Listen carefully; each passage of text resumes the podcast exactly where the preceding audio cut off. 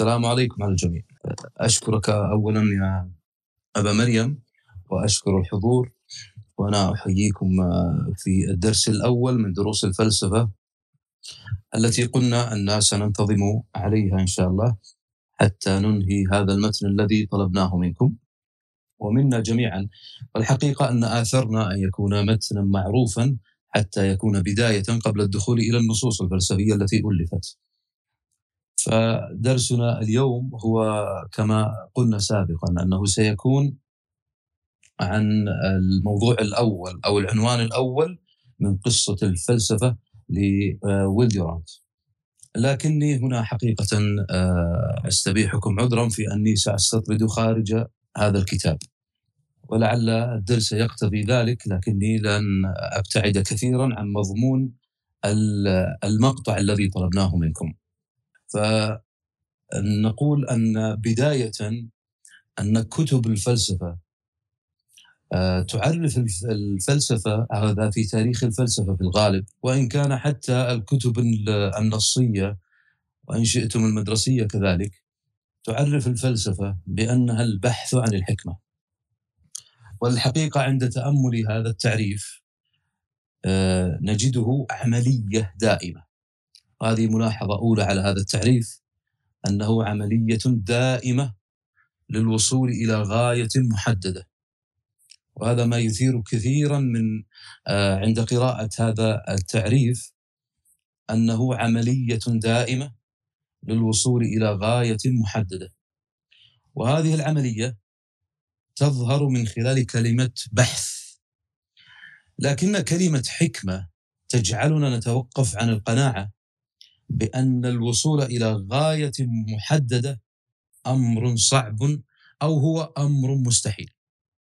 والذي يجعله مستحيلا أو صعبا في أحسن حالاته هو أن الحكمة أمر غيبي لا يمكن النفاذ إلى جوهره أو لنقل الاتفاق على كنهه.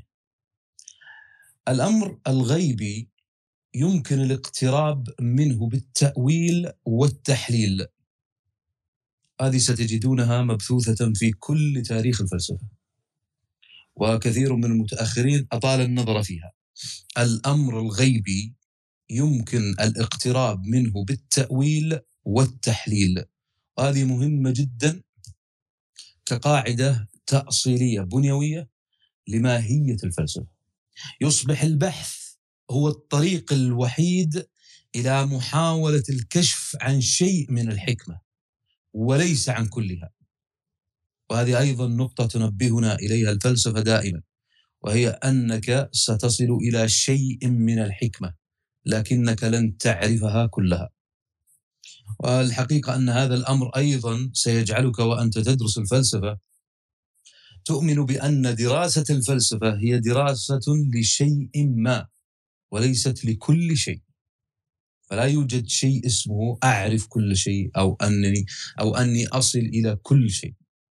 لو وصلت إلى شيء محدد وفصلته وبحثت عنه ووصلت إلى استخلاص نتائج منه فأنت فعلت ما يجب فعله وأنت تبحث. آه، طبعا هذا سيقتضي ضرورة الآخر. الآخر الذي سنخبره بما توصلنا إليه. ونحن نبحث لا بد من الآخر. وأيضا هو يخبرنا عما توصل إليه. وينشأ عن هذا أو ينشأ لنقل عن هذه الضرورة ضرورة أخرى هي وجود الآخر. إذا يوجد لدينا الآن سلسلة من الضرورات.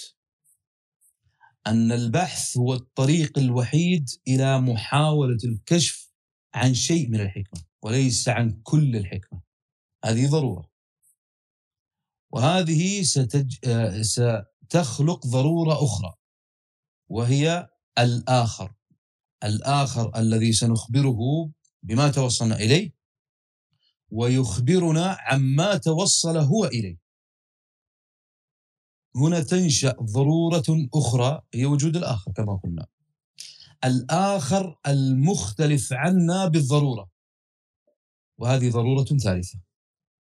فنحن الآن أمام ضرورات أو سلسلة من الضرورات. وهذه كلها لا بد منها. ونحن ندخل عالم الفلسفة. يصبح البحث عن شيء معين والثانية هو الآخر لا بد من الآخر. والثالثة أن الآخر لا بد وأن يكون مختلفا عنا. فهي سلسلة تتابعية للوصول إلى بدايات فهم هذه الفلسفة. لكن تاريخ الفلسفة لا بد من العودة إلى تاريخ الفلسفة حتى نحاول أن نفهم ما حدث في الفلسفة وكيف تمكنت الفلسفة كعلم من مناقشة ما يريد الإنسان أو ما هو محيط بالإنسان. تاريخيا هاجر اليونانيون الأوائل من آسيا إلى الأرض الجديدة وهي التي ستصبح مقر الحضارة العالمية إن شئتم. وغائب عنا في الحقيقة أصلهم. يعني هذا الأصل من أين هم؟ هذا فيه خلاف كبير في تاريخ الفلسفة. أآريون هم أم هنود؟ هذه حقيقة فيها يعني يطول جدا الحديث فيها لكني سألتزم على الأقل بالمحاولة الدائمة في أن لا أدخل في كل شيء حتى فقط نمهد قليلا حتى نصل إلى ما نريد. ولعل يعني من الطرافة أن يكون أصلهم غائب حتى أننا ملزمون بالبحث عنه وتأكيده. وكأن الاختلاف والبحث جزء من تكوينهم الفطري. لاحظ أن هذه قد تكون من الطرافة يعني في قراءة تاريخهم حتى أصلهم يغيب عنا وكأن هذا شيء من تكوينهم أن يختلفوا وأن يكون الغياب أو اللا حضور أو إن شئتم الغيب كمصطلح عام كأنه جزء من فطرتهم التي بعد ذلك حولوها إلى علوم. قلنا أنهم مهاجرون ومعنى ذلك أنهم سيقابلون آخرا مختلفا عنهم. فتتحقق الضرورة التي قلنا عنها سابقا. ولعله ملمح طريف آخر. الضرورة تبدو فطرية غير متصنعة فيهم. يعني كأن هذه جزء أيضا من تكوينهم. لما وصلوا إلى الأرض الجديدة سموا بالهلانيين والآخر الأصلي المختلف عنهم البلاجيين. لكن الجديد هو الذي بقي واختفى القديم. ولاحظوا هذا منحى مهم جدا تاريخيا. تخبرنا في أو نعرف آه، في تاريخ الفلسفة أن الذي بقي هو القادم الجديد. القادم الجديد هو الذي بقي. أما القديم فاختفى. لم يعد هؤلاء الأصليون موجودون. كأن البقاء فعلا يصبح للأصلح للذي يعمل للذي يفكر للذي يبحث باستمرار. هذه فائدة نافعة لنقل لكل من رام الوصول. وهذا أمر أيضا سيؤثر لاحقا على فهم الفلسفة. كان العالم اليوناني مقسما إلى أربع قبائل الأيوليون والدوريون هؤلاء في الشمال والأخيون والأيونيون. وكان هذا التقسيم قبل القرن الثاني عشر قبل الميلاد. لاحظوا أننا نحن نتحدث عن ما يقرب 1200 قبل الميلاد. هذا تاريخ قديم لكنه آه، آه، سيكون تاريخا ممهدا ومهما لهذه البدايات. كأن تقرأ في العصر الحديث الثلاثمائة سنة التي قبل ديكارت هي ضرورة حتى تصلوا إلى فهم ديكارت. ثم بدأت الحروب الأهلية بينهم.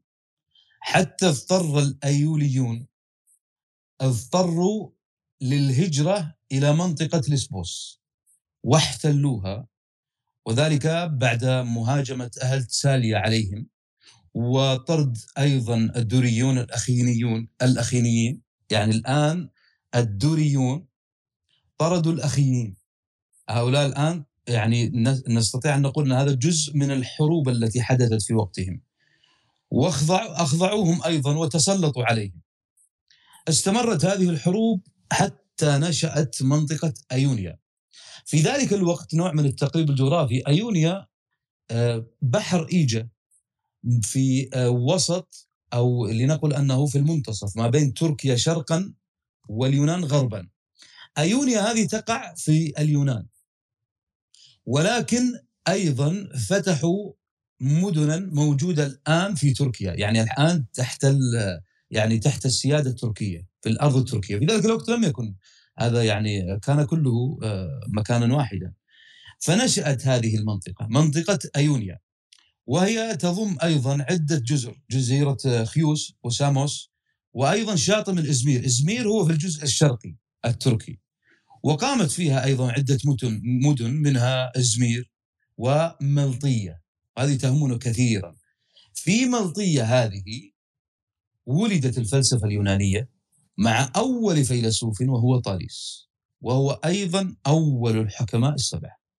لاحظوا أن هذا التتابع الآن وقلته اختصارا حتى يتناسب مع هذه المقدمة أنها حروب دامية وهجرة من مناطق مختلفة وأراض وعرة وكل هذا نتج عن هذه أو هذا العلم الذي نسميه الفلسفة مع أول فيلسوف وهو طاليس. أيونيا هي التي بدأت منها الفلسفة النسقية وهي أيضا التي خرج منها هوميروس. هوميروس لم يكن فيلسوفا وفي الحقيقة أنه حتى في تاريخ الفلسفة كان مشكوكا في صحة ما نسب إليه من أشعار ومجمل القول يمكن يمكن أن يقال أن مجمل القول أنه كان جامعا لأشعار غيره. لكن قراءة أشعاره مهمة. يعني الآن لا آه، نبتعد آه، عن هوميروس ونقول بهذه المعلومة. لا قراءة آه، أشعار هوميروس مهمة جدا. لمن أيضا دخل هذا العالم وعالم الفلسفة. لماذا؟ لأن في هذه الأشعار ستتعرف على أسلوب الحياة وكذلك على نمط التفكير. التفكير اليومي تحديدا والتفكير اليومي في تلك الحقبة المهمة جدا التي أسست للعقل الفلسفي فيما بعد. ولا بد من ملاحظة أمر مهم. ثمة فرق كبير وكبير جدا ما بين التفكير اليومي والتفكير الفلسفي. وهذه مهمة جدا. التفكير اليومي يهتم بالآني بالملحوظ بسريع الاندثار. التفكير اليومي يهتم بالشخص لا بفكره. يهتم بالحدث لا ببنيته. وهذا على خلاف التفكير الفلسفي. التفكير الفلسفي قائم على النظر التأويلي والبحث عن الصلات والعلائق عن كيفية تجسير المرئي واللامرئي هذا أمر في غاية الخطورة لمن لم آه، يتحقق منه. الآراء الشخصية تنتمي إلى الفكر اليومي أو التفكير اليومي لا إلى التفكير الفلسفي. هذا يعني يخلط كثير ما بين الأمرين. أن أقول رأيي لا يعني هذا أن لدي فلسفة. وكثير مما يقرأ الآن هو عبارة عن تفكير يومي يصاحب الإنسان ولكنه في الحقيقة ليس تفكيرا فلسفيا وسيتبين ذلك في قابل الحلقات بالإضافة إلى هوميروس أيضا هناك هيزيود وهو شاعر ولعله أقرب إلى الفلسفة من هوميروس. ولكنه كان متشائما دائما وكان يؤمن أيضا بضرورة سيادة القانون والعدالة فلعله أسس هذه الفكرة التي سيستفاد منها لاحقا. طبعا كان مبتدعا من كبار المبتدعة في العادات اليونانية وكذلك الدينية تحديدا منها. وكلاهما هوميروس وأيضا آه، هيزيود ينتميان إلى أيونيا وهي كما قلنا موطن الفلسفة الأول. وهوميروس هو شاعر النبلاء والقصور والأرستقراطيين. أما هيزيود فإنه لا على خلاف ذلك هو شاعر الكادحين والعمال. ستجدون أن أشعاره ستأتي لاحقا في العصر الحاضر. آه، ستستخدم كثير من أفكاره. المدينة اليونانية المتحضرة لم تبنى على هذه الأشعار والأفكار اليومية.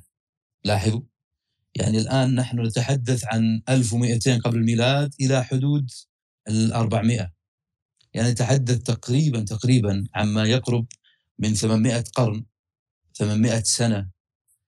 آه عفوا 80 آه 800 سنة. هذه السنوات كانت كلها تنتمي إلى التفكير اليومي لا إلى التفكير الفلسفي. هذه كلها كانت تبحث عن الأخلاقيات التي تجمع هؤلاء ولكنها كانت بعيدة تماما عن تأسيس هذه الأخلاق. هذه سنتعرف عليها أيضا لكن هذه بداية يعني أو تمهيد لما سيأتي.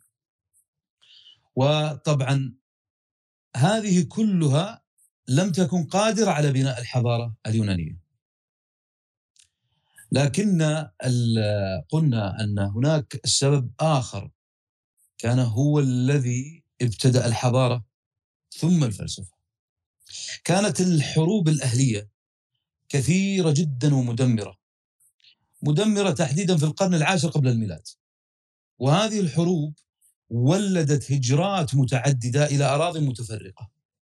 يهمنا هنا الأرض الأيونية. الأرض الأيونية التي اتحدت من 12 مدينة مستقلة. كان هناك آه، مجموعة مدن عددها 12 مدينة وكانت مستقلة لكنها بعد ذلك اتحدت. لكن كان هناك معضلة أخرى وهي تلك الجبال والبحار وصعوبة التنقل أيضا بين هذه المدن. كانت كل هذه عوائق تعوق عن اجتماعهم على سياسة واحدة.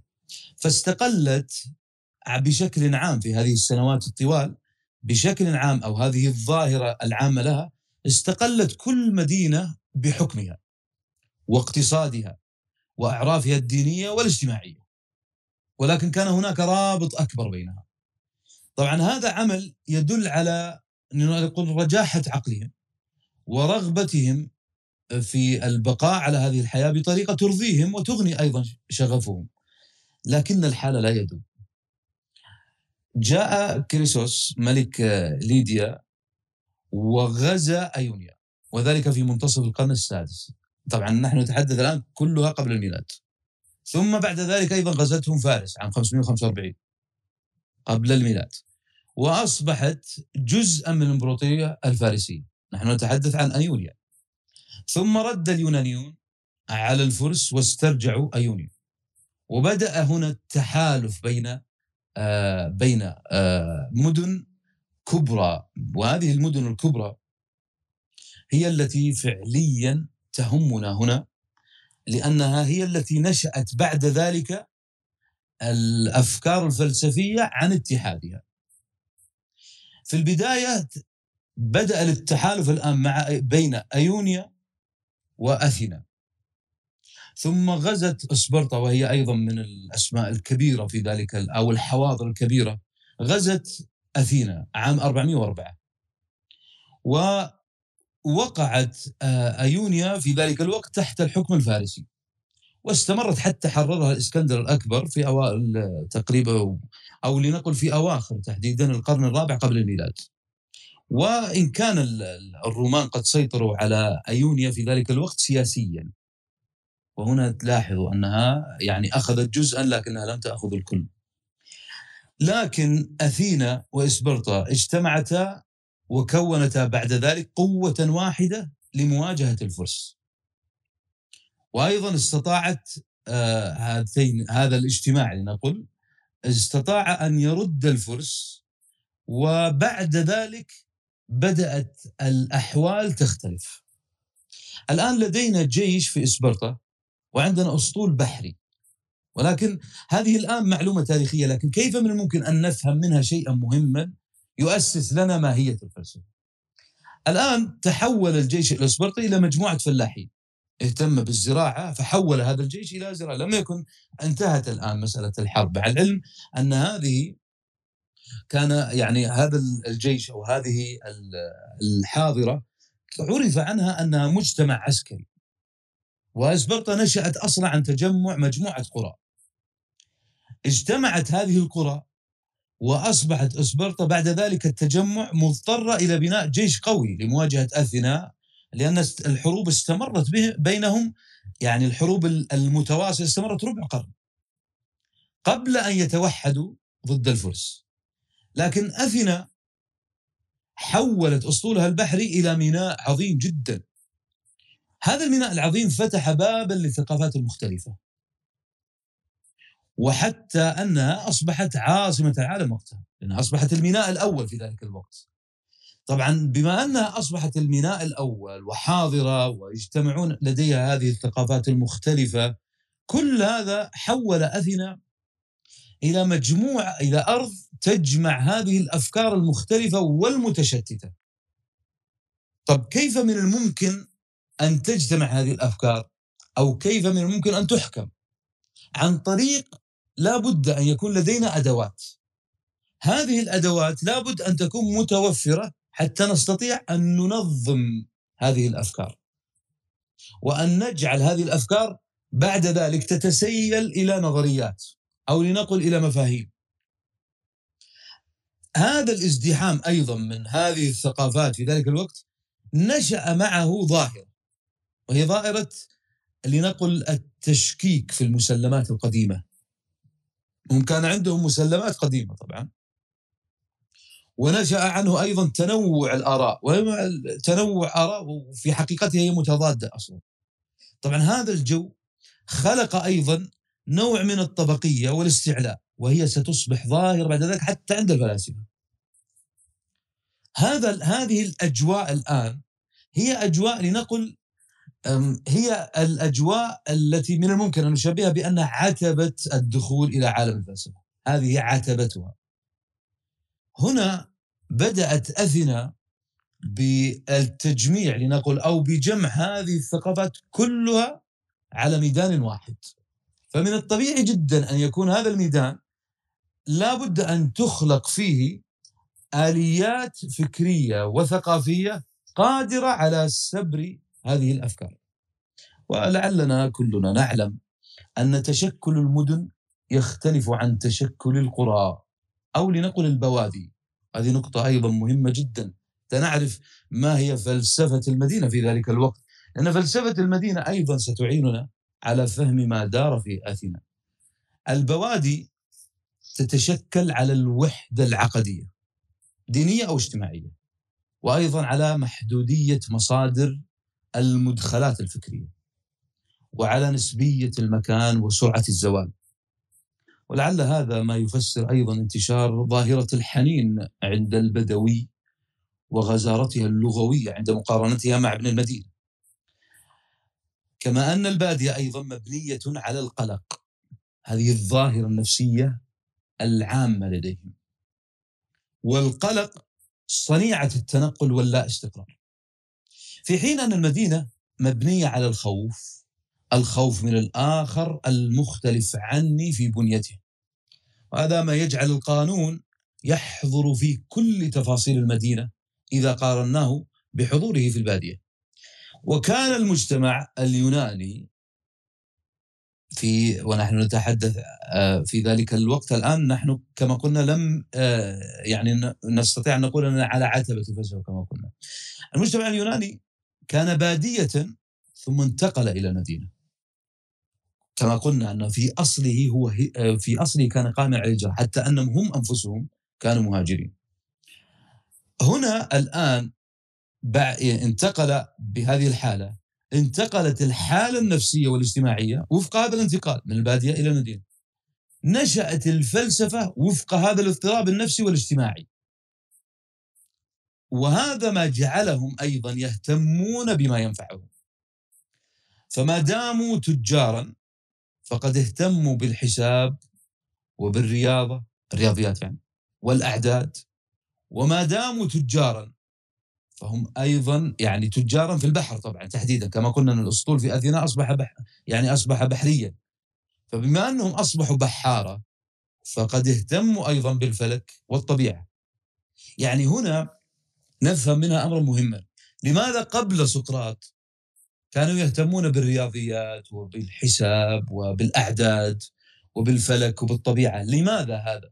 لأن طبيعتهم هكذا. طبيعتهم هم تجار فاهتموا بالحساب والرياضيات والأعداد. وهم أيضا بحارة فاهتموا بالفلك والطبيعة. إذا هنا الآن هذا ملمح مهم جدا. يعني هذا هو السبب اتجاه اليونانيين قبل سقراط طبعا إلى الرياضيات والحساب والطبيعة فكأن الحاجة الواقعية هي التي تحرك الواقع العلمي فتصبح المعرفة لها قيمتها. وهذا منحى مهم جدا وهو إذا أردت أن أدخل عالم الفلسفة. فماذا أختار؟ وتاريخ الفلسفة سيكون مهما حتى تعرف كيفية التتابع الأفكار الكبرى التي حدثت عبر التاريخ. لكن أمرا آخر مهما جدا ولعلنا نستقيه هنا حتى من تاريخ الفلسفة هو أن ما هو المطلوب في الواقع؟ وهذا سنجدها في المدارس الكبرى حتى آه، سنجدها إلى عصرنا الحاضر ما هو المطلوب؟ يعني الفلسفة بهذه الحالة تصبح أداة لتسيير الواقع أداة لفهم الواقع. هذا أمر مهم جدا. ليس الفلسفة هنا بأن تردد فقط أقوال معينة. بهذه الحالة تصبح كما قلنا أن التحريك للواقع يكون عن طريق هذه الأداة التي نسميها الفلسفة. الفلسفة هي رائدة العلوم وما زالت. فتكون الفلسفة تابعة للواقع وما يحتاجه لا أنها هي التي تصنعه وتغيره. هذا أيضا ملمح مهم جدا. أن كثيرا أيضا ما تجدون أن أن التنظير لمسألة أن الاتجاه إلى الفلسفة هو الذي سيغير كل شيء. لا. الحقيقة عبر تاريخ الفلسفة الفلسفة تابعة للواقع وما يحتاجه. لا أنها تصنعه وتغيره بل هي تأخذ من الواقع ما فيه من غموض وخواف وأسرار وخرافات ثم تنتجها نظريات صالحة لتنظيم المجتمع وإصلاحه. هنا تصبح الفلسفة يعني ليست بعيدة عن الواقع وهذا ما سيخفف أيضا لنقل الثقل الذي دائما ما يطارد الفلسفة في أن الفلسفة بعيدة عن الواقع أو حتى لنقل السبة التي تحدث حتى في مجتمع في مجتمعاتنا بشكل عام وهي على مستوى العالم يعني ليست عندنا فقط أقصد المجتمع العربي وهي أن فلان إذا قال امرا غير محمود قالوا أنت تتفلسف. فالحقيقة أن الفلسفة هنا هي جاءت من الواقع. جاءت لتنظيم الواقع. جاءت لتأخذ من الواقع لتفسر هذا الغموض. الغموض الذي في النفس الإنسانية، في المجتمع، في الواقع، في الأخلاق. ثم تنتج هذا كله على شكل نظرية، نظرية صالحة لتنظيم المجتمع، لإصلاح المجتمع. هذا أمر وملمح مهم جدا. وفي ذلك الوقت آه، في عند اليونان كان لكل مدينة كما قلنا دينها أو طريقتها في التدين. التدين عندهم هذا ملمح أيضا مهم واجب ومخالفته خيانة. التدين كان عندهم واجب ومخالفته خيانة. الآلهة في اعتقادهم هم من يحمون هذه المدن ويبقونها حية. فكان من رد الجميل للآلهة أن يدافع كل فرد عنه. لأن الجميع يعلم ما كانوا عليه قبل اجتماعهم في المدينة من حروب وقتل وتشريد. فكانت المنفعة لنقل تأزهم على البقاء طائعين للآلهة خوف أن تعاقبهم فيعودوا سيرتهم الأولى لكن هذا الحال أيضا لم يدم طويلا ففكروا بالوصول إلى غاية ما عند الآلهة وهي السعادة في نظرهم. ما هي ما هي غاية ما عند الآلهة؟ هي السعادة. فاتجهوا إلى الاتحاد بالآلهة. هذا كان منتشرا في ما قبل سقراط نتحدث وجدوا أن الاتحاد بالآلهة هو السبيل الأنجع للخلاص من درك الحياة والخوف الدائم. فعادوا إلى الشرق. طبعا لا تنسى أن أصلهم كما قلنا سابقا من الشرق. هذه ملامح أنا أبثها فقط حتى تتأملوها. لا نريد حقيقة أن نجعل تصورا أو لنقل جوابا لكل شيء لكن هذا ملمح للتفكر هم لاحظوا بعد كل هذه السنوات عادوا إلى الشرق وأصلهم من الشرق. لماذا؟ وجدوا هذا الاتصال الروحاني عندهم عند الشرق يعني فأخذوه منهم. لكن هذا الأمر أيضا سيجد اعتراضا فيما بعد من سقراط وطلابه الآن ما سبق كله في لنقل النصف ساعة السابقة كانت محاولة لفهم تعريف الفلسفة الأشهر البحث عن الحكمة والحقيقة أن هذا التعريف يطول جدا تحليله أو لنقل محاولة سبر أغواره. لاحظوا أن تحول الفكر من كونه تفكيرا تقليديا في الأمور العرضية وهي الأمور العرضية التي لا تستهدف إلا تغيير الحال إلى حال آخر. هذا تغيير عرضي. ستجدون هذا مبثوثا أيضا في الفلسفة سيقابلنا في قابل الأيام أو قابل الدروس. هنا تفكير تقليدي الذي لا يريد أن يغير إلا الحال الحال التي هي من أصلها ستتغير. الذي يريد أن يغير حال مكان حال هذا تفكير تقليدي. الانتقال هنا إلى التفكير الفلسفي وهو التفك... وهو التغيير الجوهري. التغيير الجوهري هو تغيير الواقع برمته. أي تغيير جوهر الواقع. يعني كأن مثلا يصاحبك مثلا أمر يعترضك يقول نفسي اجتماعي أيا كان. تغييره لا يمكن لا يمكن أن يكون إلا بتغيير جوهره بنيته الأولى. أما تغيير شكله الخارجي فهو يعني نوع من الضحك على النفس. ولهذا الانتقال من التفكير التقليدي الذي يتجه إلى تغيير الحال من حال إلى حال هو تغيير تقليدي. لا قيمة له. أما تغيير الجوهر تغيير الجوهر نفسه. هذا تغيير واقع برمته بنية كاملة. هذا تغيير فلسفي. وهذا التغيير يعد نوعا لنقل من المغامرة الإنسانية. مغامرة قائمة على ضرورة الابتعاد عن التقليد عن الروتين عن السلامة الشكلية. إلى الغوص في محيطات الفكر الإنساني وكل ما يدور حوله. ولعل آه، لنقل الاندهاش التع... القلق الوجودي رفض الواقع الممل هي أبرز أسباب الاتجاه إلى الفلسفة مع طاليس الذي حاول أن يكتشف كنه الطبيعة التي يعيش فيها الإنسان ويقلدها. لعلي هنا أتوقف بما أنه درس عند أبرز النقاط ولعلي أذكرها على شكل نقاط حتى آه، نخرج من هذه لنقل السردية التي حكى حكيتها لكم قبل قليل. لنقل أن الفلسفة هذه نقطة أولى.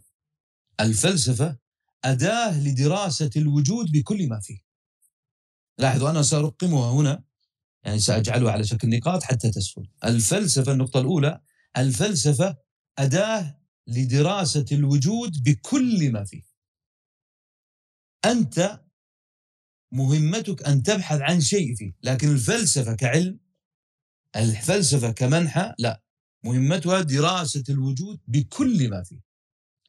الثانية أن مهمة الفلسفة الكبرى هي إقامة الوصل المنطقي بين المرئي واللامرئي.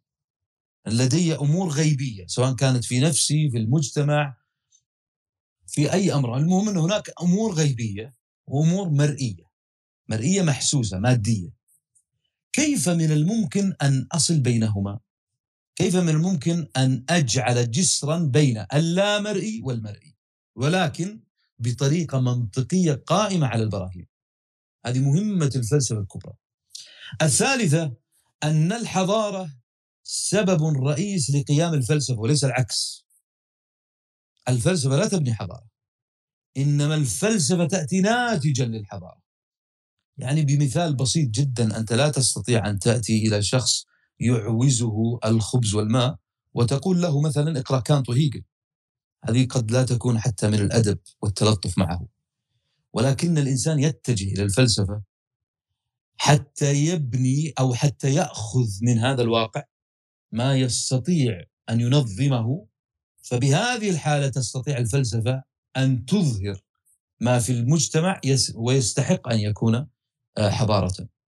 وهذه سنفصلها لكنها ستاتي لاحقا يعني لا تستعجلوا عليها لأن هذه أيضا من من الدوارج التي لا أتفق معها أن الفلسفة هي التي تقيم الحضارة. الرابع أن الفلسفة لا يمكن أن تتكون في نفس من يرى غيره شريكا لا تابعا. يعني أنت حتى تدخل عالم الفلسفة يجب أن تلغي امرا مهما في نفسك وهو أن غيري تابع لي. هذا أمر لا يستقيم ابدا مع الفلسفة.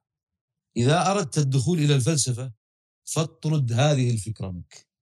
الفلسفة هي أن نتشارك في صنع الفكرة. ولكن المنطق والدليل البرهان هو الذي يسيطر علي وعليك، هو الذي يسيطر على الفضاء العمومي الذي بيني وبينك. النقطة الخامسة أن الفلسفة تعلمنا التصورات وبناء الواقع لكنها لا تضع أجوبة نهائية. لا يوجد فلسفة تضع أجوبة نهائية. نهائيا.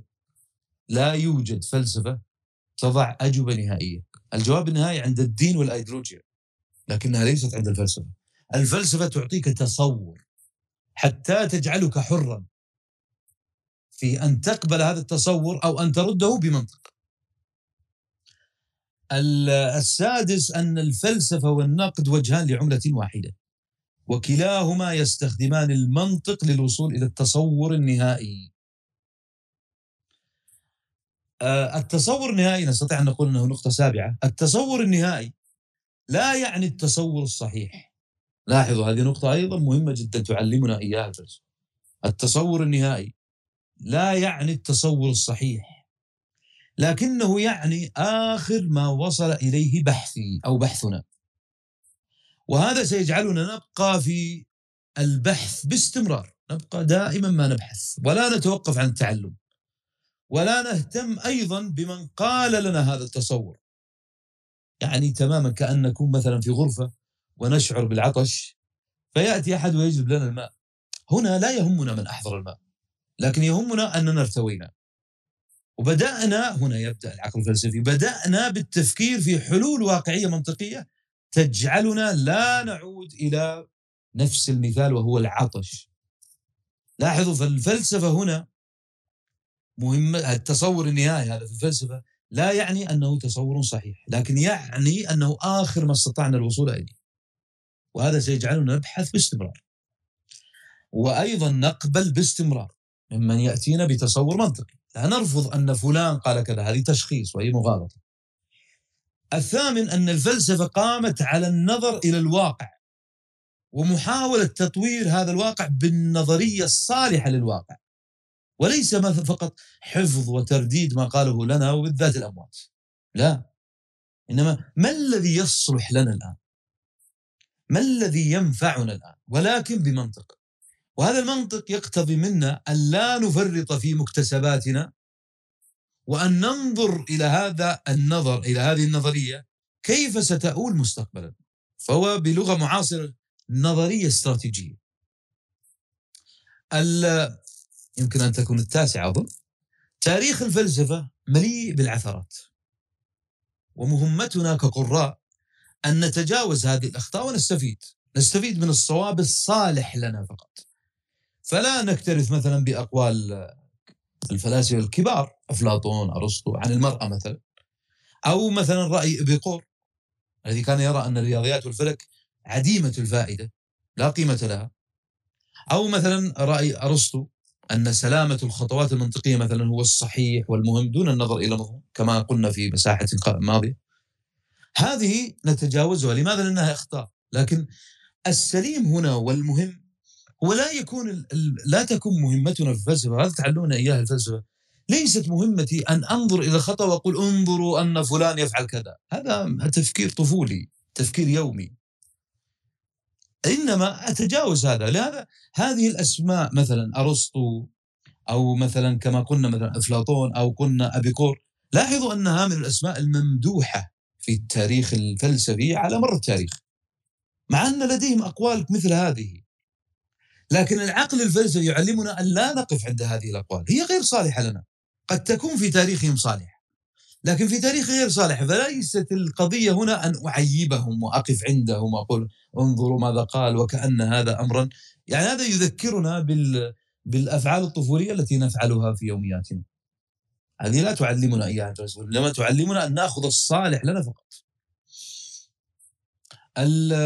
النقطة العاشرة أن الفلسفة وهذا أمر مهم جدا سيأتينا لأنها ستأتي هذه القضية كما قلنا أنها مرئي ولا مرئي. الفلسفة لا تعد الدين أو لنقل الغيبيات لكنها تبحث في الآراء التي تفسر الدين. لاحظ من فسر الدين هو فسره برأيه. فأنا أناقش هذا الرأي لا أناقش الدين كدين. وأيضا تناقشها بطريقة منطقية حجاجية. فلا تقبل الفلسفة التسليم لكل رأي بحكم أو بحجة أنه مشهور وأن قائله عالم. ومن أنت حتى لا الفلسفة لا تقبل هذا. تقبل بالرأي نفسه أنت لك رأي ونحن لا رأي. هذه هي فكرة الفلسفة الغيبيات. وعلى هذا ستبنى بعد ذلك كل هؤلاء. كل هذه الآراء ستبنى على مثل هذه القواعد. ولعلي هنا أقف حتى لا أطيل عليكم. وما قلته هنا هو عبارة عن تمهيد أو مهاد لدرسنا الأول. وستكون أيضا الدروس اللاحقة. ستكون أيضا مكملة لما قلناه الآن. وسنبتعد أو على الأقل أنا سأفعل ذلك قدر المستطاع. لا أقول عن الاستطراد حتى لا أقول شيئا لن لن أفعله. لكن سأبتعد قدر المستطاع عن الغوص في الأفكار حتى نؤجلها إلى فترة لاحقة ولعل فيما قلناه فائدة ثم الآن أترك الحديث لمدير الجلسة.